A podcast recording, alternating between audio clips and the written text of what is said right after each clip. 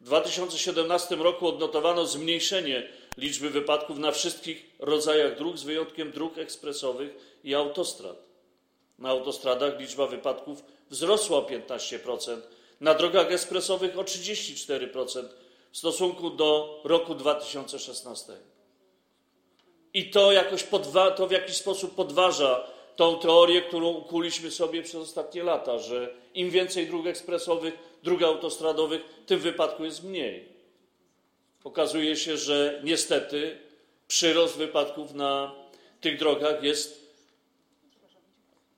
nie tyle, że zauważalny, jest, można by powiedzieć, wręcz e, bardzo duży, ktoś powie zastraszający i e, nie będzie tutaj obszaru do polemiki.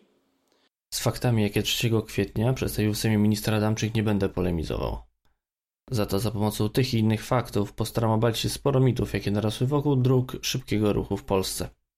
Ale przy okazji nie będzie, skoro nawet minister infrastruktury mówi, że wcale nie jest z nimi aż tak różowo. Bartosz Jakubowski, węzeł przysiadkowy, zapraszam.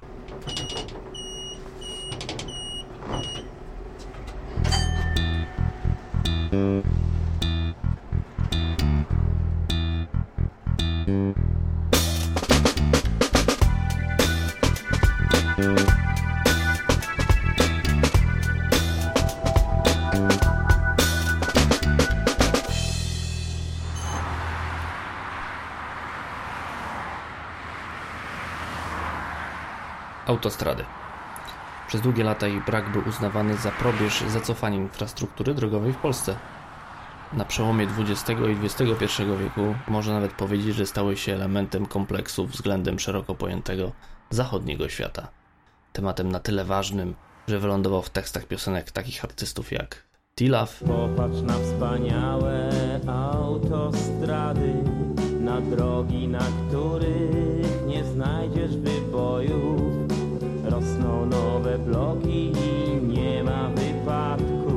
Kazik, Przez 7 lat zbudowano w Polsce 19 kilometrów autostrady. a nawet Manam. Puerto Rico, rumba, tumba, San Juan, autostrady, Margarita, dżungla, liany, kokainę, żrą, pawiany, żrą. A politycy przez długie lata byli rozliczani z kilometrów autostrad oddanych do użytku. Dziś można już powiedzieć, że te oczekiwania były pozbawione jakiejkolwiek refleksji nad stanem finansów e, III Rzeczpospolitej Polskiej. Mówiąc krócej, dopóki nie otrzymaliśmy dostępu do środków unijnych i nie nauczyliśmy się z nich korzystać, nie było nas stać na budowę autostrad. Co nie znaczy, że żadne autostrady do czasu wejścia do Unii Europejskiej nie powstały. Powstały na kredyt. Ten kredyt do dziś spłaca państwo, jeżeli chodzi o autostradę A1 na odcinku zarządzanym przez GTC i na A2 na odcinku pomiędzy Nowym Tomyślem a Świeckiem. Kredyt spłacają też użytkownicy dróg i to dotyczy dróg A2 na odcinku od Konina do Nowego Tomyśla i na A4 między Mysłowicami a Krakowem. Przy tej drugiej parze zatrzymamy się na chwilę. Są to bowiem dwa najdroższe odcinki płatnych dróg w Polsce i prawdopodobnie nawet w Europie. A dlaczego? No bo nie dopłaca do nich skarb państwa. Umowy koncesyjne z autostradą wielkopolską, w tych fragmentach, które ujawniono, oraz ze Staleksportem, jak to ładnie opisano w programie budowy dróg krajowych autostrad na lata 2011-2015, nie obciążają sektora instytucji rządowych i samorządowych. To znaczy, że operatorzy tych autostrad zatrzymują całość wpływów z opłat, które pobierają i ponoszą całość kosztów ich utrzymania, spłaty zobowiązań i wszelkich innych rzeczy związanych z utrzymaniem drogi. Nie sposób zauważyć oczywiście, że koncesja na A2 została napisana trochę lepiej niż ta na A4 w zarządzie Staleksportu. Autostrada Wielkopolska zarządza również bezpłatnym odcinkiem A2 stanowiącym obwodnicę Poznania i nie zastrzeżono w jej umowie braku modernizacji alternatywnych dróg. Choć akurat takowe potrzeby na tym odcinku raczej nie występują, chociaż czasami różne osoby proponują wybudowanie alternatywnej autostrady, do której Skarb Państwa miałby dopłacać. W przeciwieństwie do oczywiście Śląska i Małopolski, które są gęsto zurbanizowane i tam równoległa droga do autostrady A4 raczej niczego by nie zmieniła, jeżeli chodzi o przychody stale eksportu, a mogłoby być może trochę pomóc, być może nie. Wróćmy jednak do A1 i przygranicznego odcinka autostrady A2.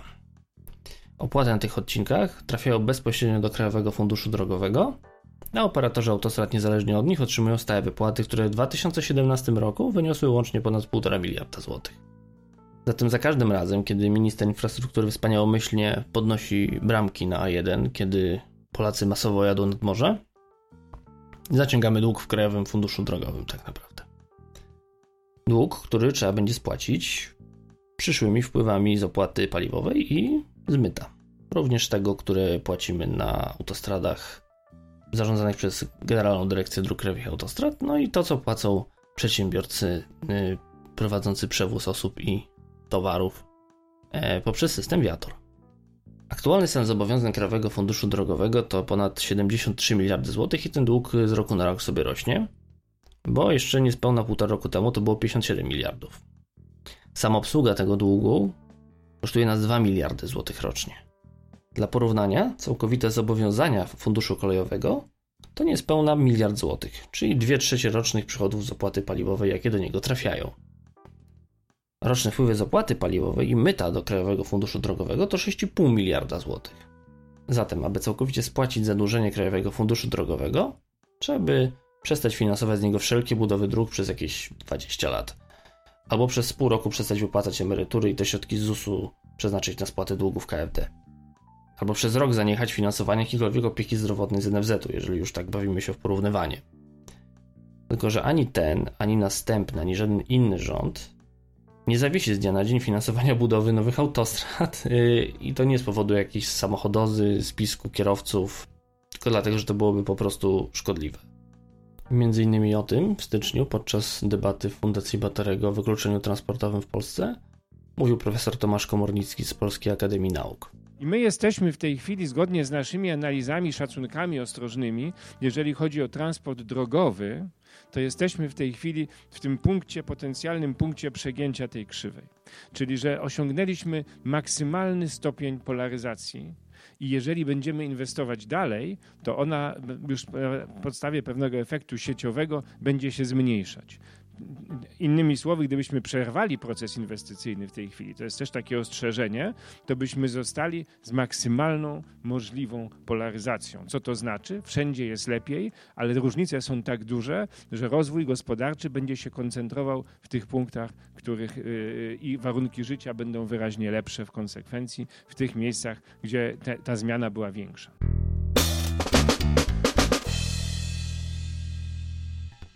A propos wzrostu i rozwoju gospodarczego, który miały nam nieść autostrady. Podczas ostatniego kongresu Klubu Jagiellońskiego prezentowałem dane pokazujące efekt netto przyłączenia średnich miast do sieci dróg szybkiego ruchu na trzech wskaźnikach. Na zmianie liczby mieszkańców, zmianie średniego wynagrodzenia i na zmianie stopy bezrobocia.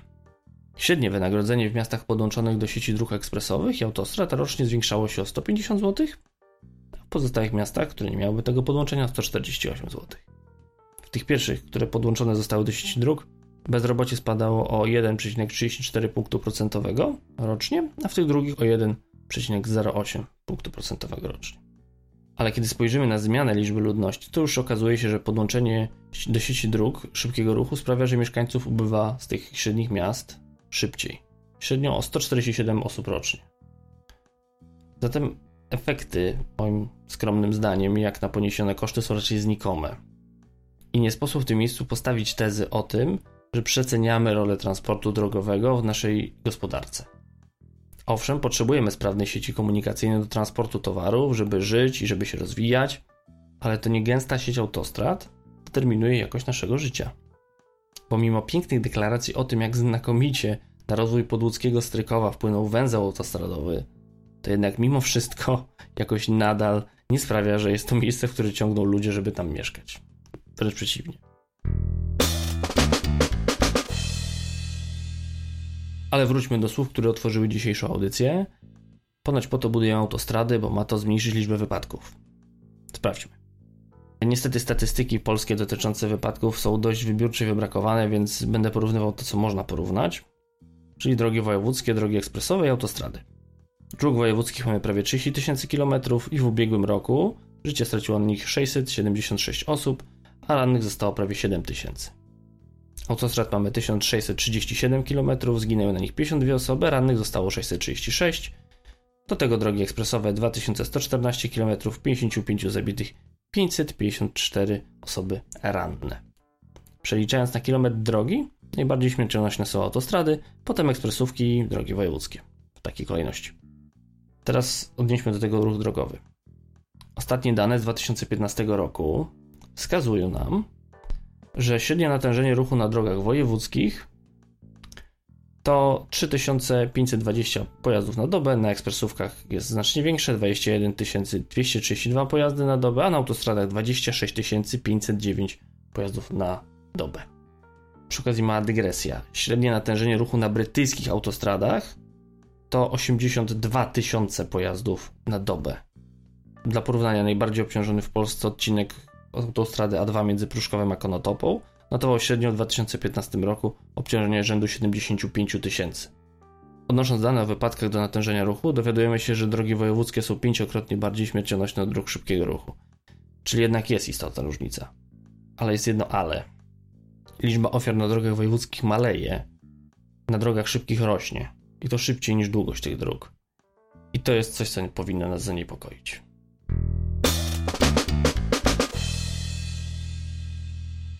Czy w związku z tym nie należy budować autostrad?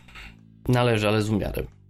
Musimy pamiętać, że fundusze unijne na rozbudowę infrastruktury kiedyś się skończą. Kiedyś też przyjdzie czas, kiedy trzeba będzie zacząć naprawy głównych dróg, które zbudowaliśmy w ostatniej dekadzie. W dodatku koszty utrzymania dróg będą już tylko rosły. No chyba, że wymyślimy autonomiczne pojazdy, które będą naprawiać nawierzchnię, zmieniać znaki, naprawiać bariery, kościć trawy i wykonywać dziesiątki innych czynności utrzymaniowych, które dziś wykonują ludzie. Tego powodu tak ważne jest, że płatności za drogi, przynajmniej w części, odbywały się za faktycznie zrealizowany przejazd, a nie ryczałtowo. Wtedy możemy powiązać przychody z kosztami i zobaczyć, czy faktycznie wszędzie potrzebujemy dwujezdniowych ekspresówek, czy może jednak jednojezdniowe drogi w przekroju 2 plus 1 nam wystarczą. Tymczasem od listopada 2011 roku w Polsce nie wybudowano ani kilometra autostrady płatnej dla pojazdów poniżej 3,5 tony. W tym czasie długość bezpłatnych autostrad zwiększyła się o 570 km, czyli o połowę w stosunku do tego, co było. Od początku funkcjonowania systemu Viatol nie podniesiono stawek ani o grosz, mimo że w tym czasie ogół cen w Polsce wzrósł o 7%, a średnie wynagrodzenie o 26%.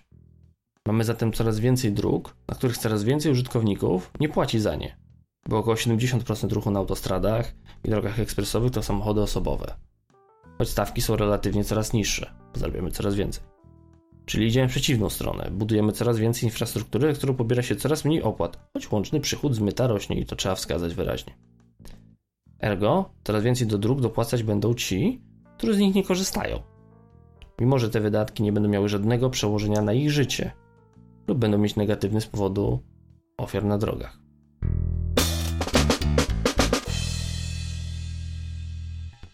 Zdaję sobie sprawę, że w sprawie dróg pozostaje bardzo wiele wątków, które będą wymagać jeszcze omówienia. Do tematu bezpieczeństwa ruchu drogowego, zewnętrznych kosztów transportu czy rozbudowy infrastruktury na pewno jeszcze wrócę. Na dziś jednak to wszystko.